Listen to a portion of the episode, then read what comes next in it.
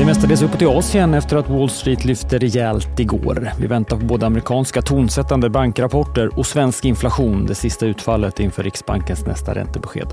Stockholmsbörsen ser ut att öppna uppåt. Du lyssnar på det i Morgonkoll. Jag heter Alexander Klar. Idag är det fokus på banker. Tongivande amerikanska banker kommer med rapporter vid lunch, däribland landets största bank JP Morgan.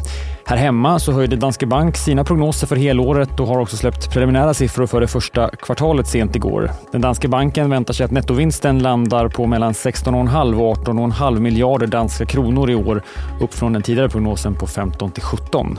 Bakom höjningen ligger ett förbättrat ränteläge och ett högt tradingnetto. Nettovinsten för det första kvartalet landade på drygt 5,1 miljarder danska kronor och enligt Infront låg förväntan på en nettovinst på 4 miljarder. Räntonettot blev runt 8 miljarder och tradingnettot 1,6 miljarder. Även fettbolaget AAK har släppt preliminära siffror för det första kvartalet. Upp rejält från i fjol, även bättre än väntat. Rörelseresultatet var preliminärt drygt 950 miljoner kronor. I fjol var det drygt 660. Bolaget säger att man lyckats förbättra förmågan att kompensera för inflationseffekter. Det kommer fler rapporter idag och som vanligt är en tidig rapport från fastighetssektorn. Adrian Ljungberg släpper siffror halv åtta och VD Annika Ånäs intervjuas i DTV under morgonen. Senare idag som sagt tunga amerikanska bankrapporter, JP Morgan men också Citigroup och Wells Fargo. Wall Street gick starkt igår. S&P 500 steg 1,3 procent och stängde på sin högsta nivå sedan mitten av februari medan Nasdaq steg 2 procent. Det kom efter att vi fick producentpriser under eftermiddagen igår som likt den amerikanska inflationen tidigare i veckan kom in lägre än förväntat och frågan är nu om vi rullar över. Räntemarknaden har ju länge visat vägen och räntorna som föll tillbaka under eftermiddagen repade sig något under kvällen.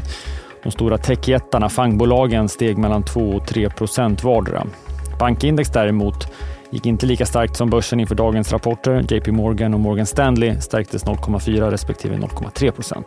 Och från USA också en vinstvarning i form av stråterapibolaget Elektas amerikanska konkurrent Viewray. Man sänker sin helårsprognos och skyller på leveransstörningar. Där det finns ett samhälle, där finns det brott. Krimrummet är podden som tar brottsligheten på allvar. Jag bjuder in landets ledande experter och tar upp aktuella rättegångsfall för att begripliggöra den kriminalitet som kryper allt närmare. Du, alltså, du kan knäcka ett eller några gäng, men det kommer komma nya och så kan vi knäcka dem sen. Men att du ska knäcka allt forever, det kommer aldrig ske. Det är infinite gain. Lyssna på Krimrummet, en podd från Expressen med mig Kim Malmgren. Aktien är det mestadels uppåt idag. Vi kan notera att eh, Foss Retailing, hm konkurrenten som rapporterade efter stängning igår morse, lyfter nästan 10% i Hongkong. Tokyobörsen är svagt uppåt. Där har landets nya centralbankschef Kazuo Ueda sagt att de penningpolitiska lättnaderna ska bibehållas eftersom inflationen snart kommer att sjunka under Bank of Japans 2% mål. I Japan har också myndigheterna godkänt att anlägga landets första kasino som kommer byggas i staden Osaka. Spel och dobbel är godkänt i Japan men ganska strängt reglerat och det här är väl ett steg för landet att ta upp kampen om turisterna som idag reser till antingen Singapore eller kinesiska Macao. Tillbaka till Sverige på slutet. Försäljningen av bostäder föll till en rekordlåg nivå i den senaste månaden visar siffror från SBAB. Andelen sålda bostäder sjönk från runt 10 till 7 procent per år. Omsättningen på bostäder har en mycket stark koppling till eh, konjunkturläget över tid. De nivåerna vi ser idag på omsättningen, särskilt för bostadsrätter, ligger tydligt under de vi normalt ser vid en lågkonjunktur. Idag är det mycket fokus på den svenska inflationen som kommer klockan åtta. Det här är alltså det sista utfallet inför Riksbankens möte den 25 april. Inflationen väntas dämpas något i mars. KPIF-inflationstakten exklusive energi väntas ha sjunkit något jämfört med februari, men dessvärre långt mindre än vad Riksbanken prognostiserar.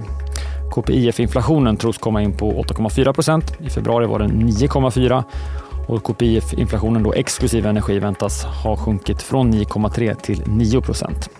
Och vi fick förresten precis finsk inflation. Den kom in lägre än väntat, 7,9 procent för mars. Förväntan låg på 8,2.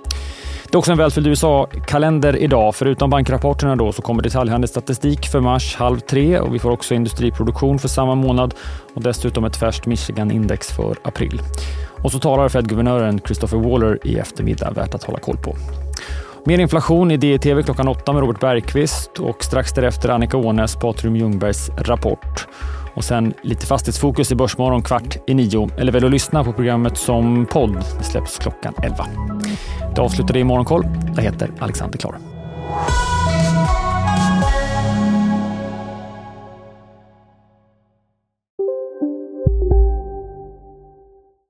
Vi är specialister på det vi gör, precis som du. Därför försäkrar vi på Swedea bara småföretag, som ditt. För oss är små företag alltid större än stora och vår företagsförsäkring anpassar sig helt efter firmans förutsättningar. Gå in på swedea.se företag och jämför själv.